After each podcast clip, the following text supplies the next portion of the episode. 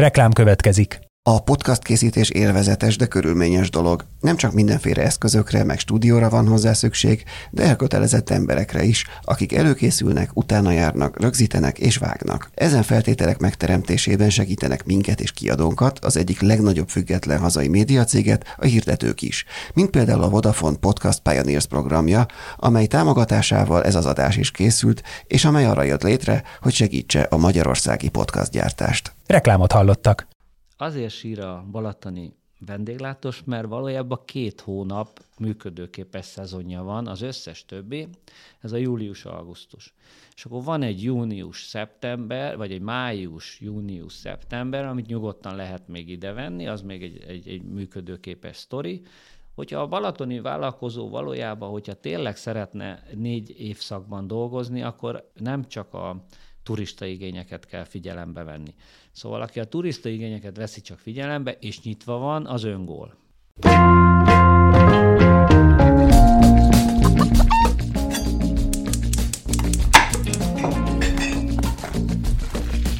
Ez a Filéző, a 24.hu podcastja a magyar gasztronómia úttörőiről. A fine diningtól a háztáig, minden a hazai gasztróról.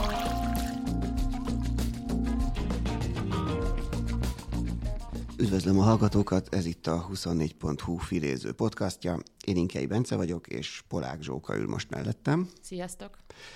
Mai vendégünk pedig Dobai András, a Balatonföledi Kredenc Bistró tulajdonosa, mindenese, mondhatjuk így is. És ő az első ö, vendégünk a hosszú, hosszúra nyújt nyári szünet után, de stílszerűen egy még a nyárhoz tartozó témával, a Balatonnal térünk vissza.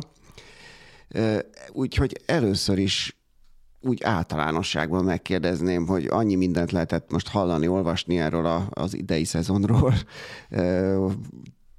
Te hogy látod, milyen volt meg a te várakozásaidhoz képest? Sziasztok, én is üdvözlöm a hallgatókat, köszönöm a meghívást. A balatoni szezonról nagyjából ugyanazt lehet elmondani minden évben, hogy a turista szezon az iskola végeztével, a tanítási szünettel kezdődik, és ez eltart augusztus 20-ai utáni hétvégéig. Ez a klasszikus turista szezon. Ezen belül lehet mindig különbséget tenni, amikor tényleg nagyon sokan vannak, ez július második hétvégéjétől tart, augusztus 20-a utáni hétvégéig. Ez minden évben így van, ezt annak idején idősebb Bergman Ernő cukrászmester, mondhatom talán nem barátom, mondta nekem, hogy ebbe az időszakba minden körülmények között van vendég Balatonfüreden, ha nincs, akkor nagyon komoly gond van. Ő a, azt hiszem, 90-es évek elején nyitotta a saját maszek cukrászdáját, ő nem tapasztalt ilyet pedig ott is volt azért bizonytalanság. Na most az idei év az úgy telt, mint, mint, mint minden rendes kihívásokkal teli év, hogy áprilisban és májusban hűvös, esős idő volt, úgyhogy ez eleve vendég elmaradással járt, mert hát a Balatonon sincs másképp, mint a, a, amúgy a, a földünkön az a, a napnak a mozgása és a napos órák pontosan úgy hatnak az, az emberre, mint ahogy az állatvilágra. Szóval süt a nap, előjövünk, ilyen egyszerű esik, elbújunk be, magunkra zárjuk az ajtót, nem fogyasztunk. Viszont ha süt a nap, akkor viszont azonnal előjönnek, pontosan úgy, mint eső után azok a szép kis bodogácsok, vagy mit tudom én, a kedves vendégek.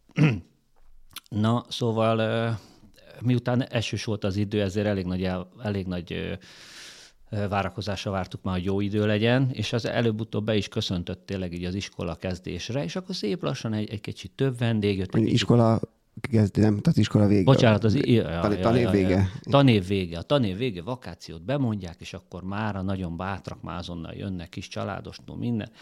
Úgyhogy akkor már a hétköznapokban is van lendület. Addig is van vendég, de inkább hétvégén, péntek, szombat, vasárnap, hétköznapokon a helyi piaci, a helyi vásárlóerőnek a fogyasztása van, ami amúgy, hála Istennek, egyre, egyre optimistább, egyre jobb az, az a helyzet is. Na de idén azért volt itt kihívás, mert az energiárakkal azért küzdöttünk elég jól. Ez nagyjából a mi szektorunkat szerintem teljes egészében érintette. Egy-két hiperszerencsés vendéglátó volt, akinek éppen olyan volt a szerződése, hogy mondjuk 23-tól kötött új szerződést, hát az, ők szerintem roppant mázlisták. Na most, aki nem, annak általában a gázt elengedte szinte minden vállalkozó, mert azzal aztán nem lehet, tehát tényleg mit kezdeni a, a villanyra átállt mindenki, és a villanynál is ez egy három, három és fél, négyszeres áremelkedés, amit úgy, így kimondva, oké, de ez 300-szoros, 350-szoros, 400-szoros árakat jelent, ö, rezsiárakat. Na most a vendéglátásszállodépar eléggé energiaintenzív műfaj, úgyhogy ez nagyon fájdalmas volt. Ez a, ez, a, ez a történet. Különböző pályázati lehetőségek voltak természetesen a téli hónapokban. Ö, mi az, ami ilyen volt, a, a, volt egy helyi Balatonfüredi ilyen pályázati lehetőség, azt mi természetesen akkor tudtuk meg, amikor már, már nem lehetett pályázni, szóval azért túl nagy reklámot nem kaphatott de volt ilyen, illetve volt egy ilyen állami ágazati támogatás, amire lehetett pályázni három hónap energia támogatásra, számmákkal, mi egymással. Na, ezt elkezdtük pályáztunk, elkezdtük csinálni, de hát olyan szörült, őrült adminisztrációval járt, hogy, hogy a felén őszinte megmondom, abba hagytuk, mert sokkal több konkrétan pályázatírót igényelt volna, aki nyilván nem ingyen végzel ezt a munkát. A visszaigényelt összeg és a kifizetett pályázatíró után egy nevetséges támogatás maradt volna. Mi a magunk részéről akkor ezt fél időben elengedtük. Biztos vagyok benne, hogy van olyan vállalkozó, akinek ez nagyon nagy segítség volt, végigcsinálta, és, és tök jó, hogy volt. Hát az ilyen mikro, meg ilyen családi vállalkozás, mint mi, ahol nincsen három pályázatíró a cégbe, az, azok azok azért nagyon túl nagy, túl nagy hasznot nekünk ez nem hozott, vagy nem volt túl nagy segítség. Na mindegy, elindult a turista szezon, de lájtosan, lassan, lassan, és az előbb mondtam, hogy hogy ez a július második hete az a választóvonal, meg az augusztus 20-a utáni izé, ebbe az időszakba, ahogy szokták mondani, hogy bármi esik az, az égből, ott vendégnek kellett lenni az elmúlt 30 évben, és azt gondolom, hogy az előtt meg még inkább, mert akkor még inkább intenzív volt a balatoni turista forgalom, ami meglepő amúgy, hogy a rendszerváltás előtt sokkal több vendégészaka volt, ezt nem tudom, hogy mennyire lehet erről beszélni, de ez így van. Lehet majd erről is.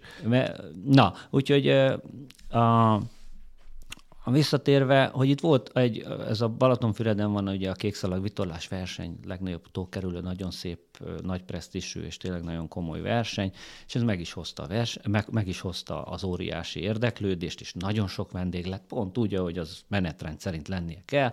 Megérkeztek a vendégek, fú, mi is már majdnem azt mondtuk, hogy fú, hát ez így maradt, tényleg, akkor már nem, nem, is, nem is akartuk elhinni, hogy ez, egy, hogy ez így, így, így, így is van, mert ugye az előjáték az nagyon nem ilyen volt.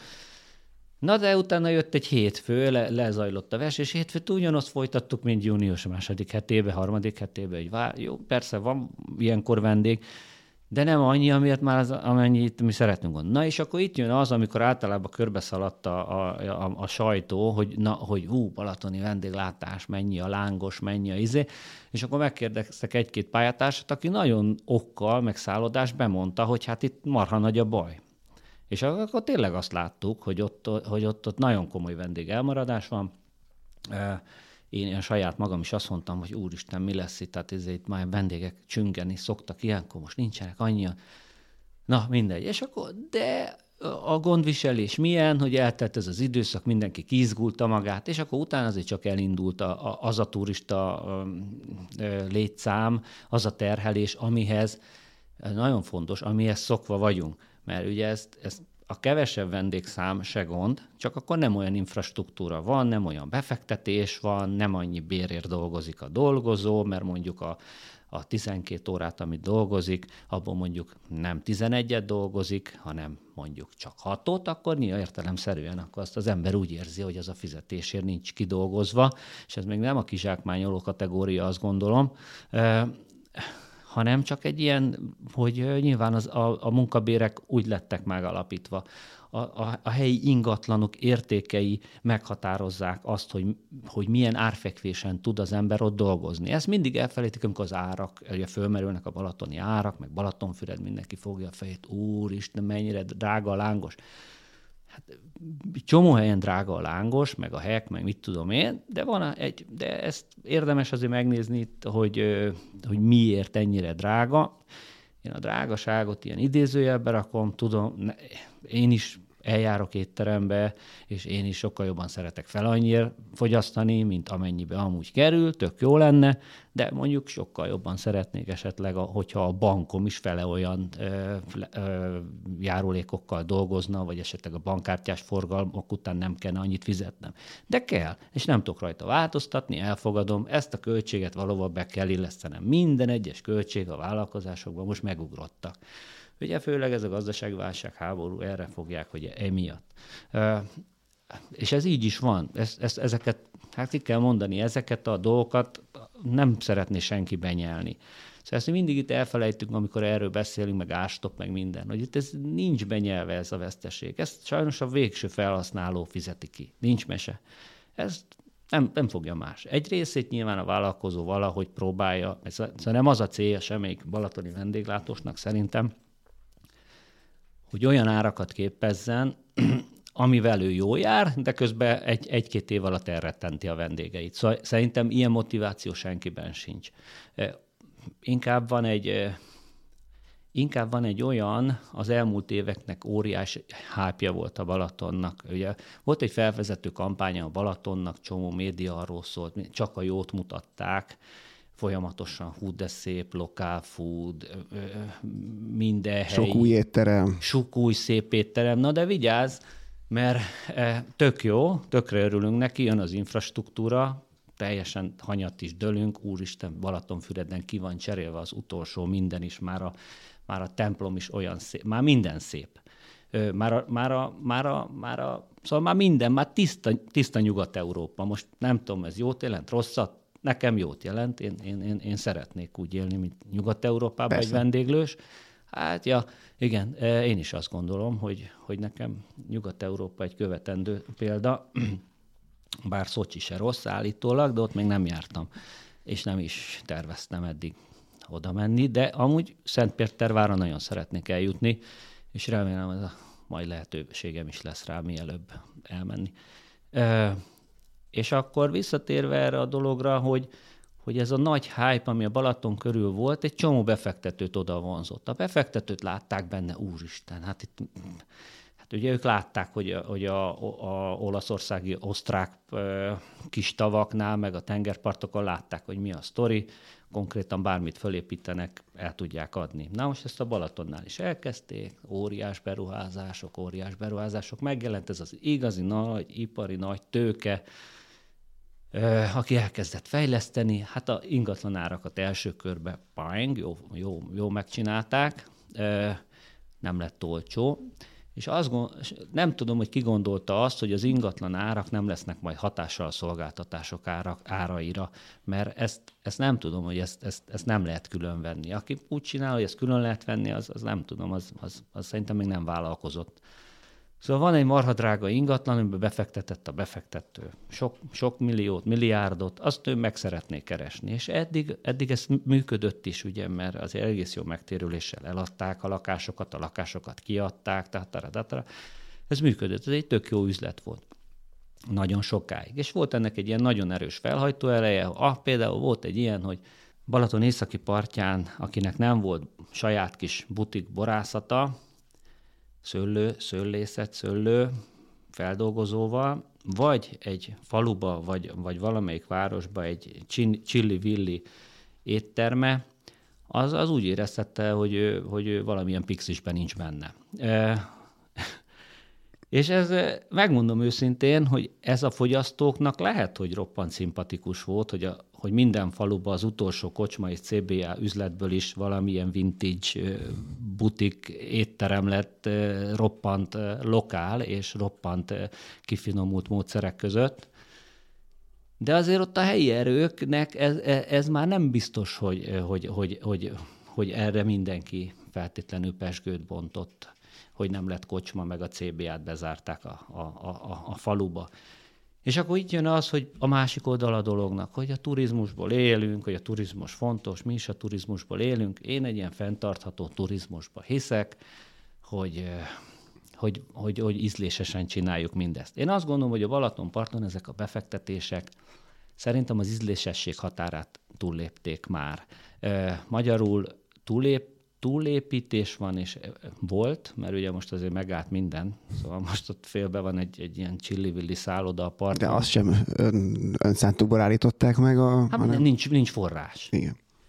Na most, és akkor itt nem lehet megkerülni azt a dolgot, hogy hogyha eddig volt forrás, akkor most miért nincs forrás? És akkor igazából én nem, is, nem politikai, nem szeretnék ide keverni, de mi az, hogy eddig volt forrás, meg most meg már nincsen forrás, és eddig megért... Brüsszel és a háborús infláció miatt. Hát én azt gondolom, hogy ha nem ez, akkor nem tudok rá jobbat én se, de, de hogyha komolyan vesszük a, a kérdést, és mondjuk, hogyha ezen túl, mert ez egy tényleg egy elég frappáns válasz, amivel nagyon nem tud kezdeni itt a hazai közélet se sokat, én is ezt szoktam amúgy mondani, amikor megkérdezik, hogy miért 4000 forint a pizza, akkor én ugyanúgy megmondom, hogy az elhibázott brüsszeli szankciók, amit nem ért a vendég, mert nem ért a vendég, és jó, jó, hogy nem érti, mert Nápolyban meg 5 euró egy pizza.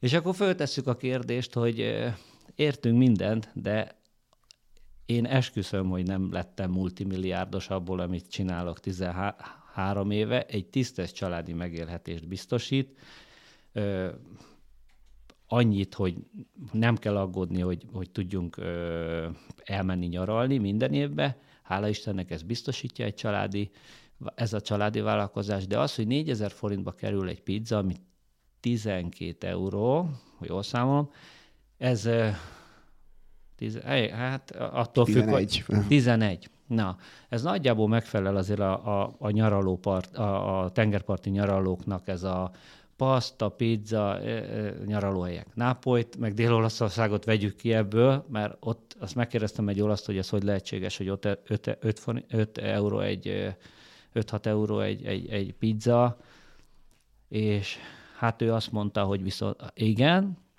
de az ott állam az államba, és ott nem feltétlenül biztos, hogy 1200-1400 eurót keres a pizzasütő szakács. Magyarul, hogyha mi szeretnénk egy ilyen egy normális bért kifizetni a dolgozóknak, hogy ne vándoroljanak el Szocsiba pirogot készíteni, vagy esetleg, mit tudom én, Londonba hamburgert sütni, akkor azért meg kell próbálni mindent, főleg a bérezést rendezni, hogy itthon maradjanak. És, és béreket rendben kell tartani, korrekt minőséget kell tartani, adózási morálon szerintem visszafele már senki nem szeretne menni, nagyon örülünk, hogy 5%-os áfával dolgozhatunk el, elvitathatatlan siker ennek a kormányzatnak amúgy, hogy 5%-ra csökkentette a helyben készült ételeknek, illetve a helyben készült italoknak a alkoholmentes italoknak az áfáját. Ez nagyon nagy királyság, ez tényleg ez egy ösztönző dolog volt, még akkor is, hogyha a turisztikai hozzájárulás mellé bejött, de még én azt mondom, hogy ez még mindig, ez, ez az irány. Én azt gondolom, ez az irány, szeretnénk úgy vállalkozni, mint egy tiroli vállalkozó, hogy neki csak dolgoznia kell, ne kelljen gondolkodni azon, hogy most izé adózás így, adózás úgy. Nem, legyen minden hivatalos, menjen minden szépen lekövethetően simán a dolog. E, e, e, ezért dolgozunk mi is. Úgyhogy vannak itt erre, erre azért pozitív példák. Szerintem a túlfejlesztés a Balatonparton hozta el a drágulást. Uh-huh. Én azt gondolom, megjelent, valójában megjelent a budapesti a nagyvárosi kozmopolita igényeknek megfelelő lakóparkok és társai. Ehhez kellettek olyan éttermek, ezek az éttermek gyorsan meg is érkeztek, Amúgy kávéházak, ilyesmik szerintem már voltak, de ilyen, ilyen fancy éttermek, déli parton nyilván kis tücsök étterem, meg szóval azért voltak itt komoly jó éttermek már nagyon régen. De ezzel a fellendüléssel együtt jöttek meg a, a, a szép új, új, új gondolkozású éttermek, amik nagyon sokat használtak, mondom, az ingatlanpiac elszaladása szerintem többet ártott, mint használt. Ugye itt jön egy dolog, hogy ugye mi és mindig sír a balatoni vállalkozó, ugye ez mindig. Ez igaz amúgy. ez szerintem ez ilyen majdnem, hogy nemzeti.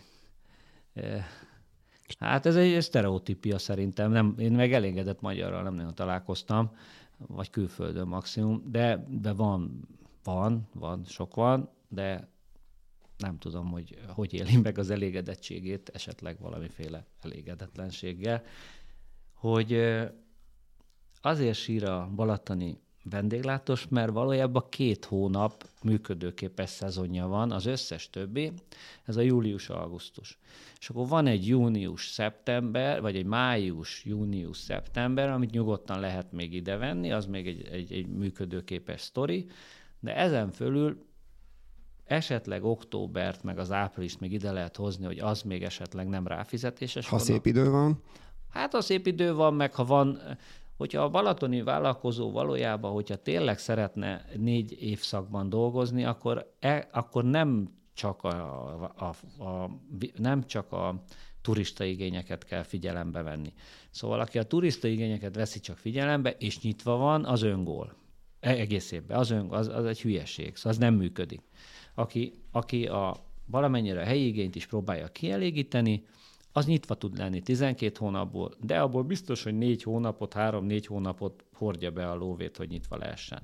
Ugye miért is, és miért is van nyitva? Hát ugye nyilván azért, hogy előbb-utóbb azért csak értelmezhető 12 hónapos vendéglátás legyen ott, az nyilván jó felfogott érdekünk mindannyiunknak, a másik meg az, hogy kell egy törzsgárda a, munka, a, munkavállaló, a munka, munkavállaló oldalról a törzsgárdát, hogy ne kelljen, hogy tudjunk munkát adni neki. Ez a legfontosabb. Valójában minden más, ez az imidzsépítés, meg minden, meg PR, hogy nyitva vagyunk, négy éjszakos baton, ez egy szombug. Ne, jó hangzik, nyilván, meg erre, erre tök jó kampányt lehet építeni, de aminek aztán semmi haszna. De hogy novembertől február végéig a Balatonnal nagyon nehéz mit kezdeni, ezt szerintem ki lehet mondani. Lehet azt mondani, hogy ne, hogy ez nem igaz, én rosszul mondom, és, és lehet mit kezdeni? Igen, lehet, vannak egyedi példák, egy-kettő van, főút mellett lévő étterem, megállnak a, mit tudom én, a teherautósofőrök bevernek egy izét, egy velőspiritost, meg egy meleg szendvicset, éli világát, tök jó, aztán a másik egy szép étterem, megáll, nyom egy indexet a, izé, a sofőr, megáll, eszik valami finomat. E, van ilyen, de ez nem, de ez, ez nem tendencia, ebből van, hát szerintem ötnél nincs több a Balaton körül, aki, aki tényleg őszintén a szívére teszi a kezét, azt mondja, hogy mondjuk ebbe a november, december, január, februárba üzletileg sikeres tud lenni. De nem is kell mindig sikeresnek lenni valójában, mert ha összességében nézzük, bele, bele kell férni ennek a három-négy hónap veszteségességnek, hogyha az összes többi jól működik. Na, úgyhogy itt jön az, hogy viszont az összes többinek jól kell működnie. Úgyhogy ott valamennyire, mert ugye itt, itt a, milyen kritikák szoktak lenni, ugye a drága, nagyon érdekes, túl sokan vannak, ugye ez, hogy túl sokan vannak, ez most idén szerintem annyira nem állt meg, sőt, hanem szerintem egy szolid vendéglát. Ez a covidos évekre volt igaz nagyon, a 20 Igen, mert hogy akkor, akkor, lendül, akkor egy, tehát akkor nagyon fellendült ugye a 2021-ben, a, meg, meg talán tavaly is a, a hazai turiz, a belföldi turizmus, és ahhoz képest ez egy visszaesés az idei év. Ja, igen. Hát akik nagyon át, a, szóval azt gondolom, hogy, hogy ott van a probléma, hogy mindig az előző évekhez hasonlítunk. Ez amúgy így szokta, mindenki az előző évhez hasonlítja, és mindenki szeretne. Aki ilyen nagyon ilyen növekedés orientált, az mindenki túl szeretné teljesíteni. Hát mi ezt már régen engedtük, hogy növekedés, ennek van egy ilyen ökológiai megfontolás, ami nem szeretnénk feltétlenül növekedni, nem szeretnénk feltétlenül csúcsokat dönteni, ha nyilván, hogyha ez összejön úgy, hogy közben nem kell kizsigerelni magunkat, a dolgozókat és a, a, a vendégek is esetleg megkapják azt, amit, amit szeretnének, akkor nagyon boldogok vagyunk. De, de a Covid nem ilyen volt. Szóval a Covid mindenféle előjel nélkül megduplázta nagyjából a vendéglétszámot, amire nem lehetett fölkészülni. E, fel lehetett készülni, mert tudtuk, hogy ez fog történni, mert nem lehetett utazni, tudtuk, hogy mit tudom, fél évig rajta ültek a fizetésükön, a kártyájukon, a, a közép, felső középtől a felső tízezerig mindenki, és nem költetett csak pizzát ott rendelni, meg, meg izét, meg, meg amik ilyen kiszállítós kajákat. Úgyhogy azt mindenki tudta, hogy az őrület lesz, csak hát ugye ott akkor volt, hát én nem akarom megmagyarázni, hogy a, a, a covidos évben miért volt valójában egy roppant rossz PR év a Balatonnak, amellett, hogy ott volt annyi vendég, mint a rendszerváltás óta soha, én szerintem, meg a saját tapasztalatom szerint ez így volt, hogy hogy arra nem lehetett fölkészülni úgy, hogy közben meg leépítetted a személyzetedet, mert azt se tudtad, hogy most meghalsz, világvége lesz, vagy, vagy, vagy kinyithatsz, vagy, vagy csak maszkban nyithatsz ki.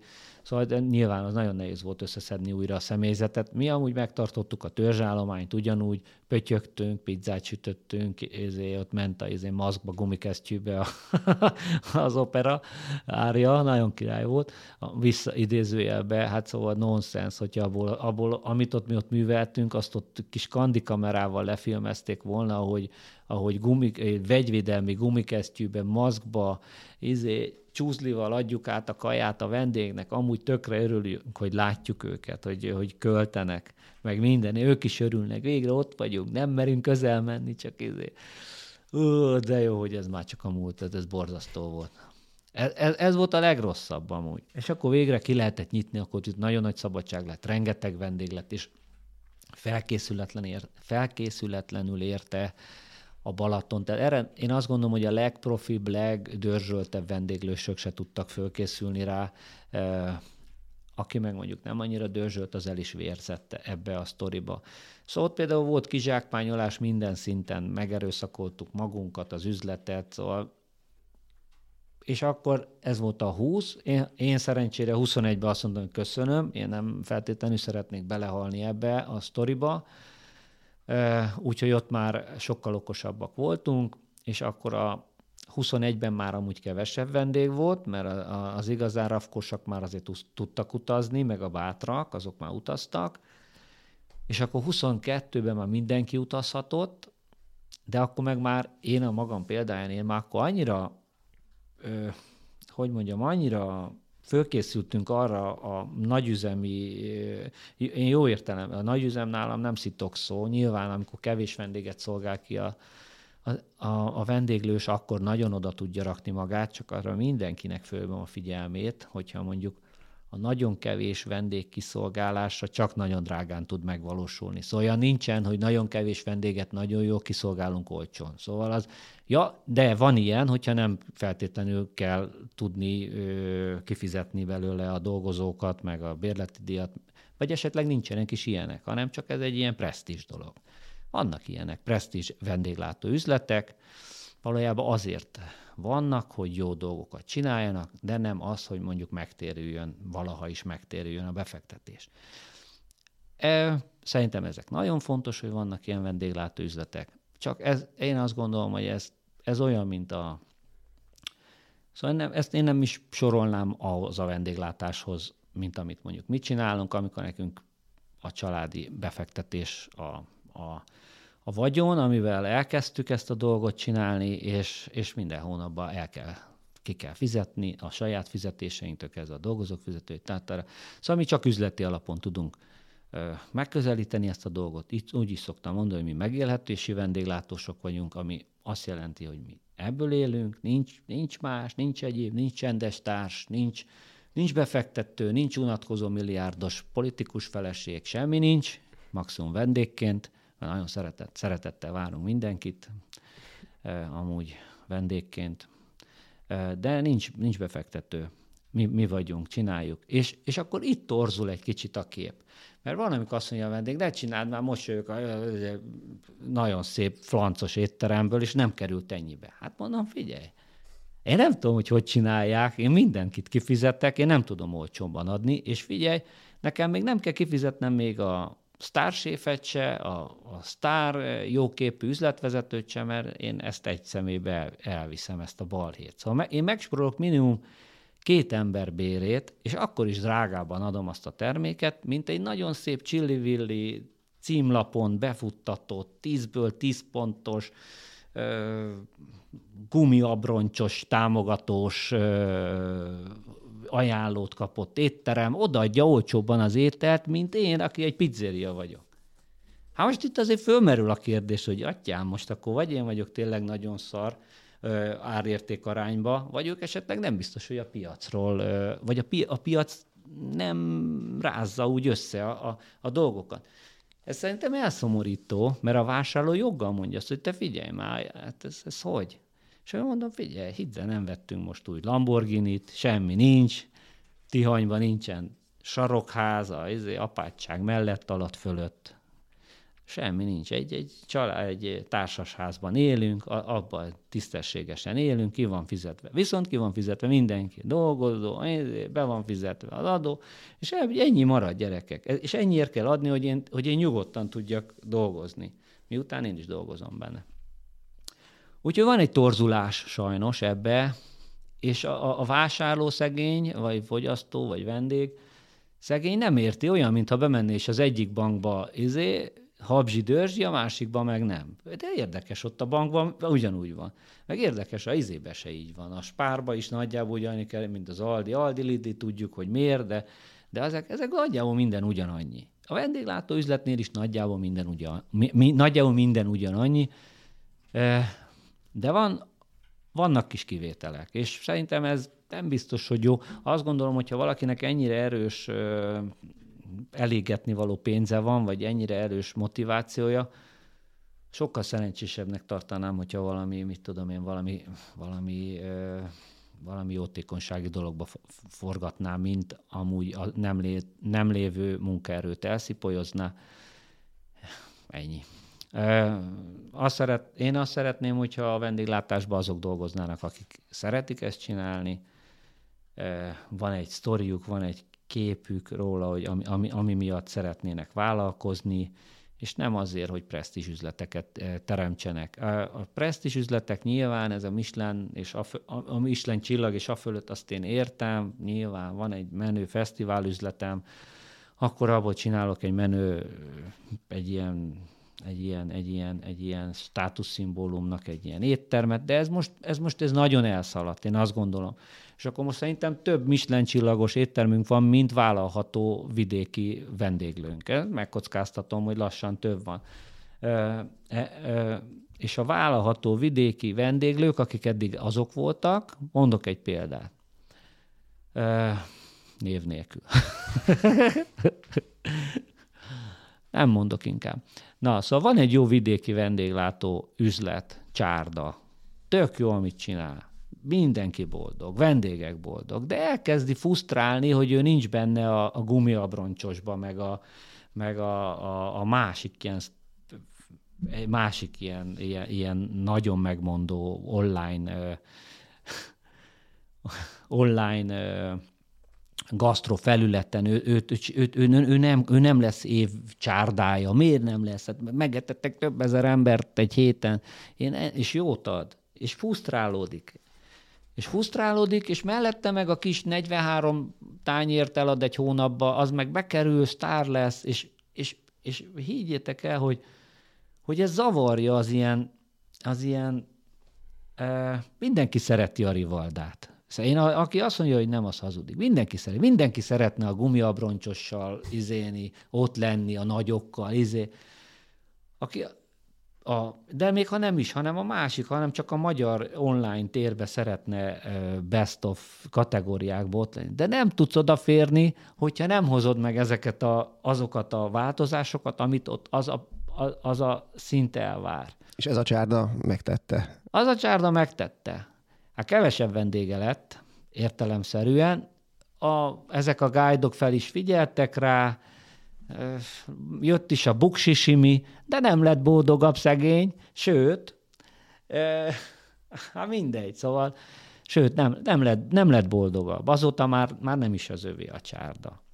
Sajnálom, hogy, de azóta is nagyon jó a, a dolog. Azóta előtte is jó volt, most is nagyon jó, csak van egy ilyen, egy ilyen, egy, egy a, és ez főleg, a, ez érdekes, ez főleg a, a szakmai újságírásról jön, mert amúgy én azt, én azt látom, hogy amúgy a, akik ebbe a szakmában magas szinten dolgoznak, kifejezetten magas szinten, hát azok biztos, hogy nem szeretnek ilyen étterembe járni, azok tökéletesen boldogok a sült kolbásszal. De mindegy, de van egy ilyen elvárás, hogy mindent ki legyen nagyon trendi. Hát én megkockáztattam, ennyi jó étterem jó, Szlovéniában van, meg mi, szóval vannak jó éttermek, de hát mindegy. Szóval, az átlagember meg nem tud elmenni jó helyre. Igen, tehát jól értem, az a probléma ezzel, hogy ilyen fejnehéz a vendéglátásunk, tehát a, a nagyon presztízs éttermek, a, a, a, a úgymond hát most nem is tudom, hogy még ilyen kifejezést használjak. Szóval, a éttermek az azok, jó. Azok, azok, azok, azon a téren jók vagyunk, viszont pont ez a közép, ez a ah, megfizethető közép étterem. Igen, és akkor erre van egy ilyen megfejtés, hogy innen majd leszivárog, meg mit tudom én. Mm, jó, Igen, nézzük, né, nézzük, persze. Igen, a kibuk, a, az elfáradt és kiégett szakács, aki tényleg jó, az nyit egy éttermet majd egy faluba, mint ahogy egy tíz ilyen példát most azonnal lehet már mondani, tök jó, tök jó, de ők is elfáradtak, most ah, mindegy. Szóval én azt a dolgot, azt, azt én fölöslegesnek tartom, hogy kiégjen a, pinc, kiégjen a pincér, vagy kiégjen a szakács ahhoz, hogy ő nyisson egy kis éttermet. Én azt, szeret, én azt mondom, szerintem az a jó, hogy kiégés nélkül nyitja meg azt az éttermet. De ez, ezek szerint ki kell égni, hogy, hogy nyissál egy, egy, egy faluba egy tök jó éttermet, ami nem több, nem kevés, jó. Jó és kész és, és nincs izé, nincs flickflak, nincs, nincs semmi extra, csak jót adsz, és kész, ennyi. És említetted ezt, hogy a vendéglátósnak olyan, az kell, hogy vezesse, hogy szívvel, lélekkel csinálja ezt az egészet, mint ahogy te is csinálod. És ez vitt le téged Füredre? Hú, hát az én sztorim nagyon bonyolult, az én sztorim nagyon bonyolult, viszont érdekes. Úgyhogy hát ez nagyon érdekes volt. Én zenész voltam, alternatív zenész, és mellette pincér belvárosba, menő helyeken, fú, nagyon nagy menő belvárosi pincérnek gondoltam magamat, már akkor azt hittem, hogy mindent tudok mindenről, és, és teljesen el, el voltam ájóva magamtól. Ez a 2000-es évekről beszélünk, ugye? Hát 98-tól én már nagyon, már enyém volt a vár, most viccelek, de ott én már nagyon benne voltam. Olyan nagyba voltam, hogy már legtöbb helyre be se fértem, hogy klasszikust idézzek. De ez, ez most vicc volt. Hogy Szóval belvá... pedig a Brains zenekarban. A Brains zenekarban voltam ilyen alapító tag, voltunk, voltunk, voltam alapító tag, de nagyon fontos, hogy az még ilyen dzsunga, hardcore, rap, crossover, punk, az ilyen, hát hogyha ha kellene valamihez hasonlítani, akkor inkább a, a vállalhatatlanul Punk Beastie Boyshoz hasonlítanám, mint bármi máshoz. Ez egy ilyen átment egy nagyon nagy változásokon, ahogy mi öregettünk, úgy vált. Ez nagyon érdekes, mert kis gördeszkáztunk, ott el voltunk, izé, hát gördeszkázás, unalmas, meleg van, zenéljünk, zenéltünk, és akkor olyan volt, hogy mondjuk el tudtunk játszani egy számot, és el is játszottunk. És egyből koncertet csináltunk. Mi nem szaroztunk, mi nem tudtunk zenélni, viszont már azt tudtuk, hogy, hogy koncertet szerintem tudunk szervezni. E, tudtunk is. Voltak vagy 30-an, érted? De imádták. E, meg mi is. És akkor e, semmi, ez ilyen autodidakta módon. Zenészek lettünk, de ez nem olyan fontos. Mellette én meg pincér lettem, belvárosi pincér lettem, kettő együtt csináltam, és akkor volt egy olyan, hogy a zenekarnak a basszusgitárosa, az Endrei Dávidnak a nevelő szülei ilyen alternatív jazz kávézót csináltak Szentendrén, a, a, a Dalmát pincét. És a Dalmát pince volt régen, amikor elindult a még Diáksziget, vagy mit tudom, milyen néven Sziget Fesztivál indult, akkor még úgy kellett belasszózni a, a vendéglátókat, hogy ugyan gyere más áruljál egy, mit tudom én, 20 millió forintéki kis fröccsöt, és valahogy nem akarták elhinni, hogy abban van biznisz, meg az, az roppant alternatív volt még az eleje, és akkor ezeket a jazz kocsmákat, egyetemi klubok lettek oda behívva, hogy csinálják. Na és ők, nekik a legeleje óta volt ott egy kis kocsmájuk, ami, figyelj, az olyan szinten benfentességet, meg mindent hozott, hogy a leges óta csinálták mindent, de ők ebbe beleöregettek. Ugye, hát elfáradtak, beleöregettek. Ebből a tök alternatív vendéglátásból, ami ott volt egy ilyen hiperprofi, nyugat-európai minták által, egy tök profi vendéglátás lett, és ők már azt hogy nem érezték. És akkor jött be a basszusgitáros fiú, hogy figyelj már, hát idén már nem is megyünk a szigetre, meg mit tudom én, nem, micsoda, nem megyünk, hát az nekünk identitásunk része, mi ott, ott szoktuk magunkat hülyére inni, meg minden, meg táncolunk hajnalig a izé, bárpulton. Hát nem élet az élet, így, enélkül, és akkor én mondtam, hogy hát figyelj, de mi a gond? Hát és akkor mondták, hogy már öregek, fáradtak, nem, nem, és mondom, figyelj, én fiatal vagyok, meg tudod, most jövök a Vörös Marti térről, én mindent tudok mindenről. És akkor, úgy, akkor ilyen, mondjuk azt, hogy ilyen szakmai üzlettársnak oda betársultam, talán ez egy jó, jó szó így, és akkor én ott, úgy mondjuk az én elképzeléseim szerint ott az úgy lett egy ilyen profi áruforgalom, meg minden, és úgy csináltuk tényleg, mint a McDonald's, nagyon nagyba, nagyon komolyan nyomtuk, nagyon sok vendég volt, és, és akkor ott azt én megizleltem, és mondtam, fú, de király ez.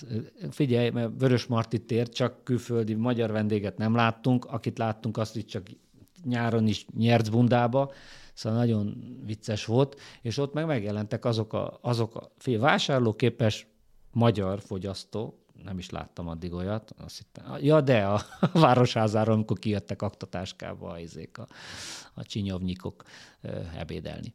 E, és a, és akkor azt ott elkezdtük csinálni. Nagyon nagy szabadság volt, nagyon tetszett, akkor nagyon ment ez a Kusturica filmekből, ez a balkáni dzsunga, a minden zenével, izével, fú, mindig volt vele, annál, valami annál jobb volt, de még nem nagyon voltak ám e, ilyen romkocsmák. E, talán a Szimpla már akkor volt, de más biztos, hogy nem. És akkor mi akkor kitaláltuk a Zambó Marci haverommal, hogy ez annyira király, hogy ezt egy hétig csináljuk, nem alszunk, hogy meg hogy figyelj, ez, ez, ez a jövő, csináljunk egy ilyen dzsunga kocsmát benne a minél dzsungább helyen.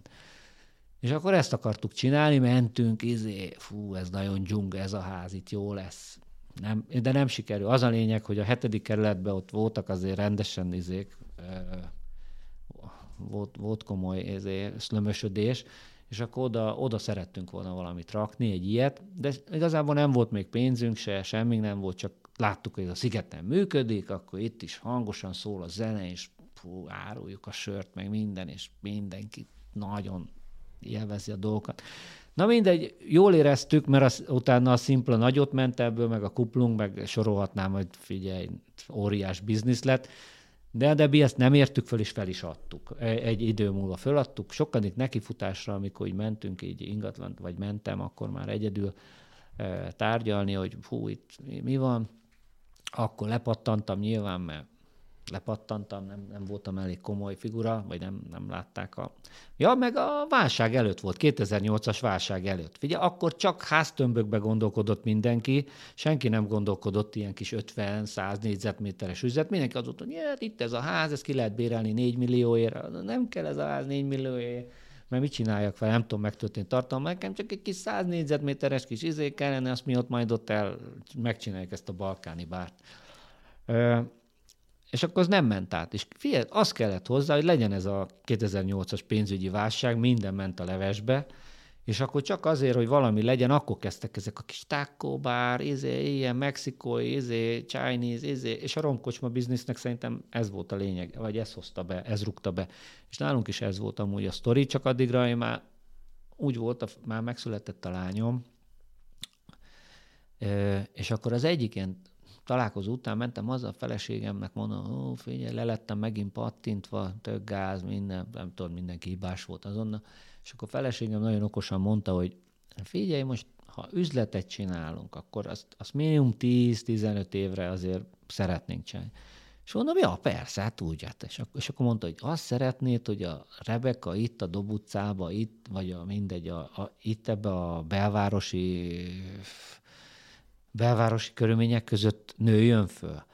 És mondom, hát valójában nem, azt nem szeretném. Ott én vállalkozni szeretnék, de, de azt jobban szeretném, hogy azért ő egy kertes házban nőjön föl, mint én.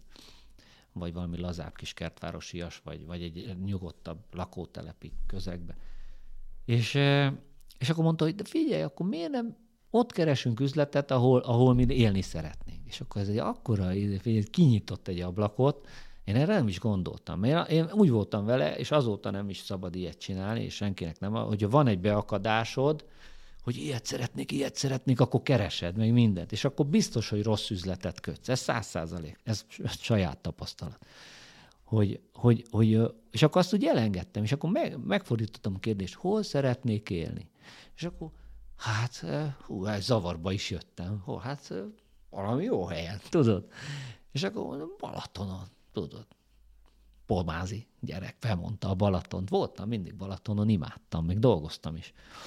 És uh, imádtam a történetet, és akkor, és akkor Balaton. És, és ahogy Balaton, fú, az de király.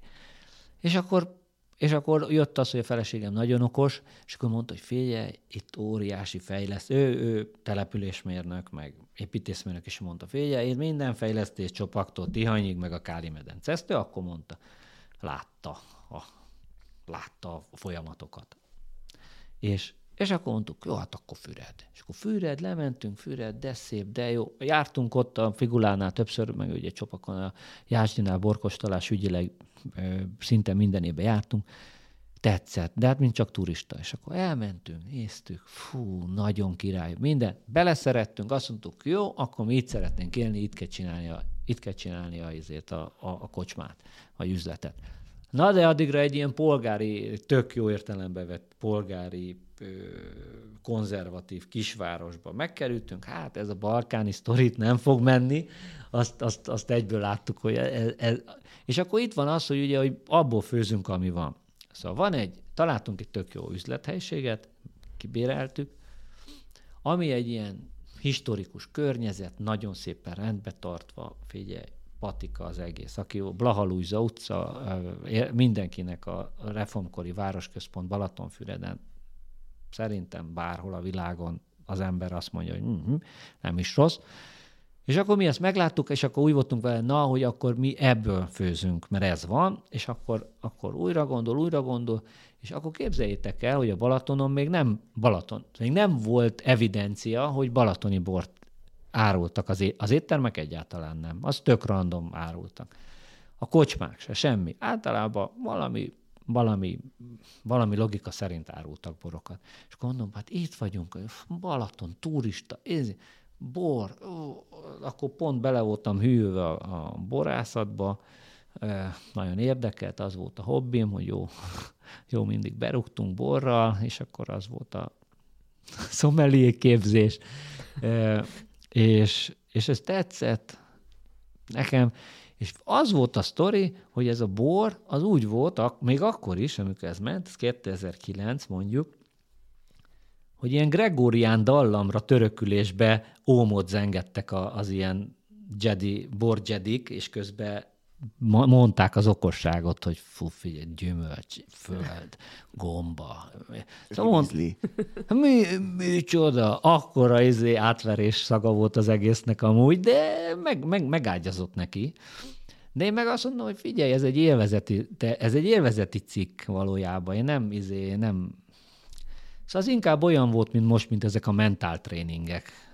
Én meg azt mondtam, ez egy élvezeti termék, tök jó, locsoljuk, igyák, izé, pajt, barátságosan, és amúgy nem kellett nagyon, mert egy mondjuk egy ö, olasz kisvárosban biztos, hogy volt egy olyan borbár, ahol ezt csinálták már 30 éve.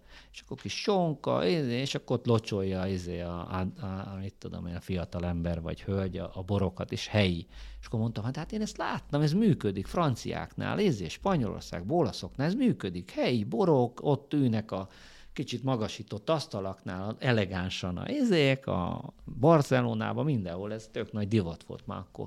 Itt meg még mindig zengették az ómot a Gregóriára, amit nem megbántva őket, de az egy idősebb korosztály volt. És, a, ja, és fontos, hogy a mi, a mi a mi korosztályunk nem rugott rabdába. A 2008 előtti válság előttig, amikor megnyíltak a lehetőségek kevesebb pénzből vállalkozni, Előtte nem, előtte vendéglátó üzletet vagy taxisból lett építési vállalkozók nyitottak, zöldségesből építési vállalkozóvá vált éttermesek nyitottak, ami ez a 90-es éveket nagyjából ez, ez fémelezte, tök jó, hát mindenki döntse, hogy milyen volt, és akkor, és akkor volt az, hogy ilyen pincér, én pincérkedtem addig is, semmi, meg volt ez a kis vállalkozásunk a szigeten, de annyi pénzünk már volt, hogy, hogy már úgy zavart, hogy van. És ahogy akkor mondtuk, hogy költsük el. És akkor ez volt, hogy akkor az üzletet kell nyitni, és akkor fú, de ez nem, nem volt még modell, hogy a kiégett vendéglátós csinál egy üzletet. Én még akkor még olyan szolidan voltam, csak kiégve amúgy, de már nem zenéltem akkor, mert annyira mázi kiégtem, hogy már zenélni nem, már nem zenéltem, már csak vendéglátóztam. E, és, és akkor meg, és akkor én tulajdonképpen azt csináltam, amit az előbb beszéltem, hogy, hogy, hogy, hogy ott fényt kaptam, és akkor elkezdtem csinálni egy ilyen. Figyelj, olyan volt az üzlet, a kredenc, amikor nyitottuk, mint hogyha egy ilyen nyugdíj, mint amikor nyugdíjba megy valaki. De hát mi még sehol nem voltunk, volt egy másfél éves gyerekem, egy albérletünk Balatonfüreden, egy, egy hitellel, egy, egy pesti lakás, ennyi. Oda mentünk, kinyitottuk, figyelj, beraktuk a gyereknek a járókáját az üzletbe, és kinyitottunk. Nagyon menő volt az egész. Könybelábat szemmel vártam a vendégeket, hát vagy jöttek, vagy nem, ink- hát az eleinte még nem annyira jöttek. Na de marha mázlin volt, mert 2010-ben nyitottunk, marha mázlin volt, hogy akkor ezzel egy időben a Balatont elkezdték úgy simogatni. Hát elkezdték menedzselni a, a Balaton. És akkor valahogy úgy úgy, úgy akkor már nem is tudom, hogy hogy volt ez. Már nem, olyan rég volt, nem tudom, de egyszer csak elkezdtek több vendégek lenni. Meg a borászok is örültek, hogy na végre csak balatoni borokat tárul, ugye volt egy ilyen izé. Végre. És akkor a másik éttermes is, hú, nem is hülyeség, hát miért a izé társa, miért, egy, egy, miért török Bálintól rendelem le a, a balatoni borokat, érted? Már csak környezetvédelmileg is mi van. Oké, okay, értem. E, és akkor kinyitottunk, és előbb-utóbb lett vendég. Na de, eltelt tíz év, ebbe imádtam. Sok koncert, DJ set, nagy komoly borkostoló. Figyelj, 2012, azt hiszem 2012 naturborkostoló, 2012 a Strekovékkal, az összes borász kiátkozta őket a nézeteivel. E, talán a Pálfi Gyuszi, aki eljött, a köveskáli Pálfi Gyuszi, aki értette, vagy hát izlelgette ezt a, ezt a, ezt a fajta borkészítést. Ak- akkor natur borkészítésről csináltunk is ilyen kis előadást, meg borkostolót, ilyen hát érdekességképpen és, és tök jó lett. És, és akkor volt ilyen klub jellege lett ennek az egész kocsmának, sok koncert, DJ, slam poetry, hát akkor nyomtam azt, amit, amit akartam, meg amit szerettem. Fú, nagyon szerettük, imádtuk. És a legdurvább, hogy a helyi, ez a konzervatív, lokálpatriota közönség, úgy, úgy nek átment ez, hogy csak helyi bor. Ez, ez a egészséges lokál patriotizmusnak ott nagyon jó időszakban volt 2010, ugye tudjátok, hogy ott akkor volt egy ilyen más jellegű változás is, és akkor az úgy, az úgy feküdt, és akkor a, a mamámnak a hímzése fölkerült az asztalra, mert a sima abrosz borfoltos volt, én ráraktam a mamától, amit kaptam, drága mamának a hímzett kis izéjét, ilyen kalocsai, vagy milyen, hát attól mindenki elolvadt, hogy izé, szükségmegoldásnak indult, utána meg azt mondtam, figyelj, ha ezt ennyire szeretik a helyiek, hogy itt ilyen népművészetivel van terítve, akkor azzal terítünk. És ezzel a népművészeti dologgal ott 2010 környékén ott, ott az, az, az Hát nem tudom, azt talán még a Geszti is ilyenbe öltözve reppelt akkoriba, vagy val- szóval akkor e, ilyen volt a, kor, a koreszme, vagy érted? Szóval akkor ilyesmi volt a... a korszellem. A korszellem. És, és nem, nem ére, én akkor nem éreztem ezt uh, izzadságszagúnak, meg, meg nem, nem éreztem ezt uh, ilyen benyalintásnak, vagy hogy mondjam, hanem ez csak úgy jött. Ez véletlen volt, izé, házias volt nagyon, izé, és akkor hozták a vendégek a saját kis, és akkor egy olyan kis, tök jó kis, kis ilyen törzs vendég helyé vált.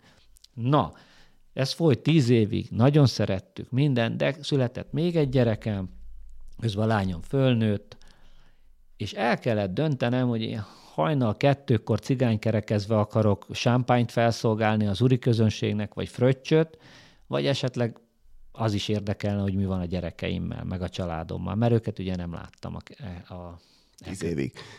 Hát, úgy lát, nem, hát, szóval ez egy ez fontos dolog, hogy legalábbis nekem ez egy, ez egy fontos dolog, hogy addig is nagyon szerettem volna szerepet vállalni a családba, és kivenni a részemet, de értető okok miatt fizikailag nem voltam rá képes és ez egy elég nagy belső konfliktust okozott, hogy én szeretnék megfelelni, de nem tudok, mert a kocsmában meg még hajnal kettőkor még tényleg az aktuális cigánykereket meg kell csináljam a vendégeknek, hogy még egy pesgő eldurranjon, meg még egy kör pálinkás mit tudom én, Sprite-ot igyanak még a vendégek, Sprite ugyan nincsen, de pálinka van. És akkor ez olyan, az a jó szó talán, hogy fenntarthatatlanná vált. Nagyon jó volt, nagyon szerették a vendégek, én is. Még mindig eszembe jutnak ezek a iszonyat, extrém bohém dolgok történtek, vendégek mosogattak, mert hogy mondtam, hogy nem tudtok leülni, mert nem látok be már a mosogatóba. Azt mondta a vendég, ez a gond, akkor jövök elmosogatok. És nem akartam elhinni. A vendég el, hogy hát mondom, köszi, hát akkor csináljuk így, érted? És olyan kaláka, kaláka volt ez az egész. Nagyon sokat segítettek eh, ilyen olyan helyi old school vendéglősök, akik azt gondoltad volna, hogy csak leköpni fognak, mert hogy egészen más pályán fociztunk, azok tök nagy barátsággal közeledtek. E, aztán nagyon nagy tekintélyű, számomra példakép jellegű emberek megkerestek, Csapodi Balázs, mondhatom, vagy kis tücsök. a kis tücsök, igen, ővel elég hamar jó baráti kapcsolat alakult ki, és nagyon fontos, hogy az elején, amikor elindult ez a balatoni kicsit ilyen gasztróújságírás, akkor, akkor talán neki köszönhetően, miután kevés volt, volt tíz üzlet volt, aki ebbe az új felfogás miatt érdemes volt írni egy újság, hogy érdekeset tudtak írni róla az újságírók. És akkor én is, hála jó Istennek ebbe akkor belekerültem, és akkor nagyon sokáig ezzel vitt is úgy ez a flow, meg minden, akkor közben lett a Balatoni kör, amiben annak én is tagja voltam annak idején. Aztán egy pár év után úgy éreztem, hogy hogy nekem arra nincs energiám, hogy én ott balatoni körözzek, meg úgy csináljak, mintha tényező lennék, de valójában én csak egy kis kocsmá, egy kis családi üzletet vezetek, és akkor én ezt abból onnan abszolút visszaléptem, mert az én elképzeléseim egyáltalán nem találkoztak azokkal a nagymenő vendéglátósok elképzeléseivel, amit, amit ők képviseltek. Ők profik voltak, ők tudták, hogy mit akarnak, én meg csak azt tudtam, hogy, hogy, hogy, hogy máshogy csináljuk, mint ahogy Szóval ahogy ők csinálták, azt láttam, hogy profi meg jó, de én azt mondtam, hogy, hogy így mindenki tudja. Ez olyan, mint hogyha egy, egy profi marketing PR táb vezetni. Én nem éreztem benne úgy egyediséget ebbe a dologba. Későbbiekben így én akkor onnan eltávolodtam, nagyon sok sikert kívánok a további munkájukhoz, és egy csomó jó dolgot csináltak, elvitathatatlanul sok jó dolgot csináltak, és remélem, hogy még fognak is. És akkor feltarthatatlanná vált ez a kocsmai vendéglátás, és akkor ki kellett találni, hogy találjunk ki, alakítsuk át úgy a kocsmát, hogy én ugyanúgy játszótérnek érezzem, magyarul, hogy olyan jó, hogy szeretettel menjek be dolgozni, e, és mellette még ér, ér, egy a családommal jobban tudjak lenni. És akkor jött egy olyan gondolat, hogy ezt akkor úgy kellene, hogy családbaráttá tenni az étel. Én ezt azt mondtam, ki is mondtam maga családbaráttá kell tenni az üzletet. És akkor rájöttem, hogy, nem, hogy először családbaráttá teszem a vendégeknek, magyarul nem arra fókuszálok, hogy este, mit tudom én, megtörténjen minden, ami megtörténhet egy ilyen helyen, hanem akkor elkezdtünk inkább ilyen, akkor azon gondolkozunk, hogy mit csináljunk, mit csináljunk, és akkor én mondtam, hogy családbarát, családbarát, családbarát, és akkor mi az, ami a gyerekek? Pizza, bejött, hogy pizza, és akkor mondom, pizza, hát én is tökre szeretem. Füreden az én, én ízlésemnek, vagy az én elképzelésemnek nem találtam olyat, figyelj, itt még nincs is olyan, amilyet én szeretnék, de akkor csináljunk pizzát. És, és akkor elmentünk olaszba, családdal, izé, study tour, mentünk, jöttünk, kóstoltunk, hol a legjobb, Nápoly, izé, Sorrento, Szicília, minden ott a dél-olaszokat végigkaristottuk, iszonyat jó volt, majd, szóval hogy az imidzset fővettük, amit valójában addig szerintem már előtte is megvolt, és akkor novembertől egy ilyen novembertől egy ilyen terápia jelleggel otthon elkezdtem, és akkor még nem volt Covid, terápia jelleggel elkezdtem azt, amit ott láttam, meg tanultam, meg internet, meg, meg, meg izé, ezer Most éves. 2019 november. Ez, ez, igen, 2019. vagyunk a, a Covid előtt. Figyelj. Valamit megsejtett. Ne, a gondviselés, a jó Isten, én nem tudok más, vagy karma, mindegy. Ah, mindegy. Ott, ott az volt, hogy csináltam, és éreztem, hogy csinálom, hogy ez milyen király. Aztán ugye a Covid-ban nagyon sokan rájöttek, hogy milyen király kenyeret sütni, meg minden, mert az egy tök jó stresszoldó, meg minden. És akkor nyomtam ott a pizzát, hát nem jó. Tudod, első néhány húsz nekifutás. De ez teljesen autodidakta módon? Ol, hát ott, amit azért figyelj, a legnagyobb királyság Sorrento pizzasütő, Kajaka Kesz, a fickó, aki csinálta, nekem, a leg, nekem imádtam az egészet. Mondtam neki, figyelj, én magyarból vagyok, egy ilyet akarok csinálni, mint te. Jó van, akkor már gyere ide reggel tízre, azt megmutatom, hogy mi van. Oda battyogtam, mondta, hogy hozzak azért egy ilyen, egy ilyen tálca sört, mert azt meg fogjuk inni. Hát azt szépen megittuk, bedagasztottunk, és azt mondta, hogy ez most meg van csinálva, ezt este meg meg is sütjük. És akkor mondtam, hogy jó, hát ez ennyi az egész. És akkor azt úgy, úgy a sörrel is fölvett. Úgy, hát, mit lehet erre mondani? Ez olyan, hát autodidakta study tour, de elég autentikus volt. A sztori, azt ott meg, de ez nem úgy, hazajöttem már, nem is emlékeztem meg, azért elfogyott a sör, tudjátok, úgyhogy, úgyhogy nem minden pont úgy volt, ahogy, ahogy emlékeztem, meg azért ő is megitta a sört, lehet, hogy ő se úgy csinálta. Úgyhogy, és akkor még a online térben minden. De eszembe jutott, hogy van nekem egy gyerekkori cimborám, a Mák Tomi. A Mák Tomi kérlek szépen akkor már vagy 15 éve biztosan ö, pizzázott, és fölhívtam, hogy figyelj már, hát megakadtam. Jó a pizzám már, de azért hm, e, ezért nem fognak kocsiba ülni meg. Hogy az otthon már el lehet adni, de... És akkor ő, figyelj, nagyon egyszerű. Telefonba, hát hallotta, hogy már érdekel, meg, el, meg mondtam, hogy, mi, hol, hogy hol tartok, és telefonba itt egy fél órán keresztül mentünk, hogy hova, izé, mennyi, hány fokos, izé, mennyi idő, izé, és akkor ott két-három dolgot nekem kiavított, hogy így csináld így. Figyelj, azt a két-három dolgot kiavítottam, és azonnal vállalható lett a sztori. Figyelj, hátra is dőltem, mondom, oké, okay, meg vagyunk.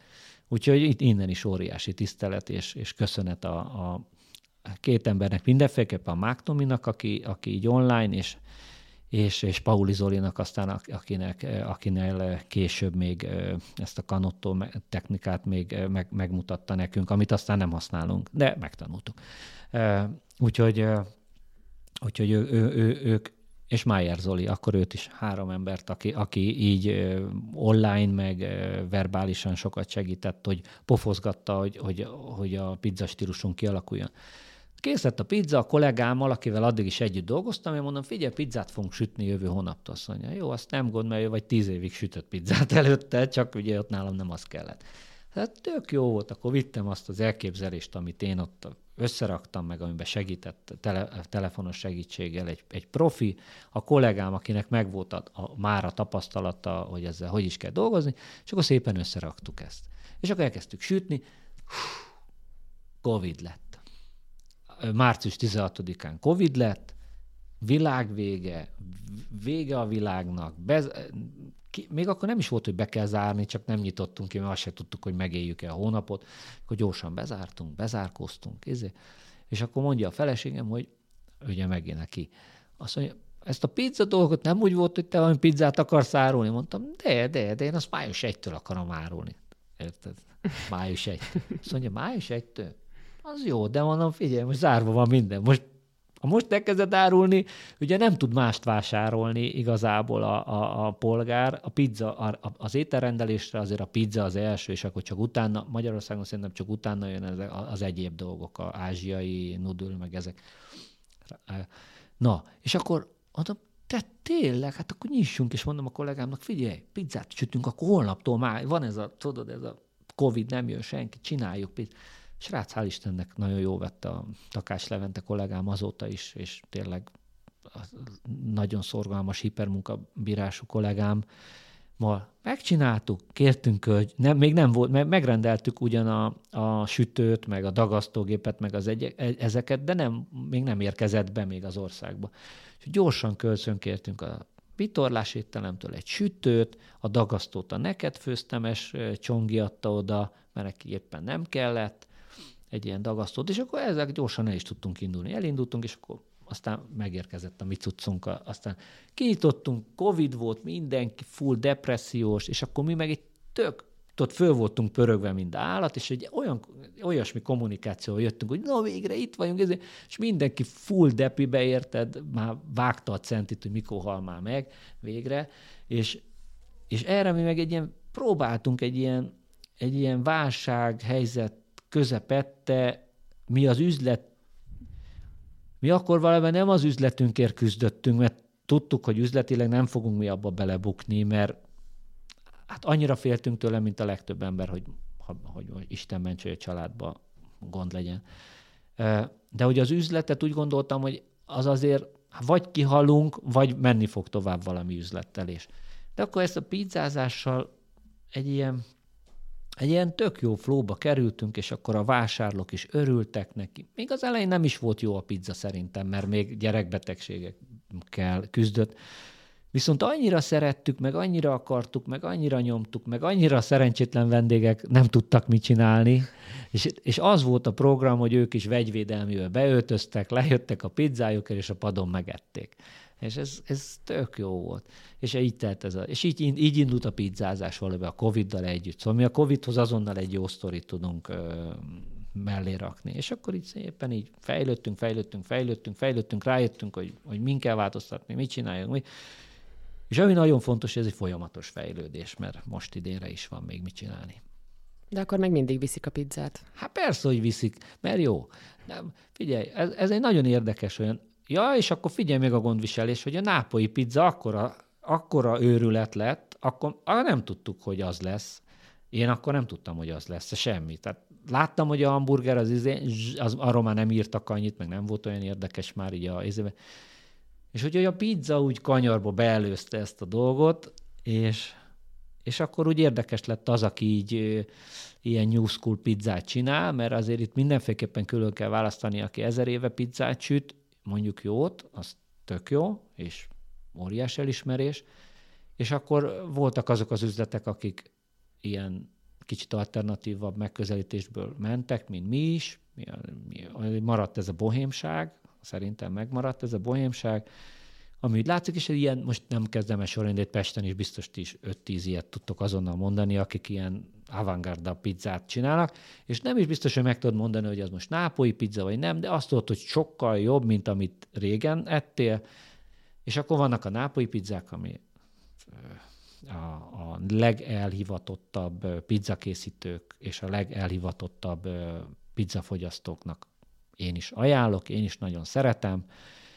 Mi is megtanultuk, hogy hogy kell készíteni, tudunk készíteni nápai pizzát, viszont azon az agresszív főközléssel, amivel az készül, mi a mi rendszerünkbe, a mi vendéglétszám munkon, a mi munka szervezésünkön sajnos tízből háromszor biztos, hogy túlég a pizza amivel nagyon sokan nem szoktak a nápolyi pizzások közül úgy csinálnak, mint hogyha ez valami trademark lenne.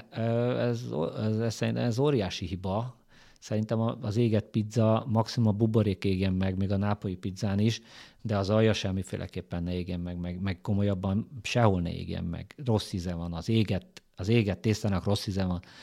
Ez most lehet, hogy nem PC, meg mit tudom én, de ezt minden, minden nápolyi pizzásnak üzenem, szerintem ne égessék el a pizzát akkor tényleg mellett süssék 500 fokon, 450 fokon, de akkor álljanak mellette, és akkor ne égjen el a pizza.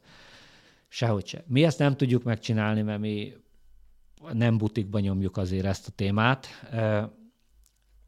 és nekünk, mi, mi nápolyi pizzatésztával dolgozunk, nápolyi identitással, vagy nápolyi gyökerekről, de alacsony hőmérsékleten sütjük. Ennyi a különbségünk és alacsonyabb hőmérsékleten sütve más állaga lesz a tésztának. Egy pici kérek kerül rá, de attól még könnyű, roppanós és, és avantgárd lesz a pizza tőle.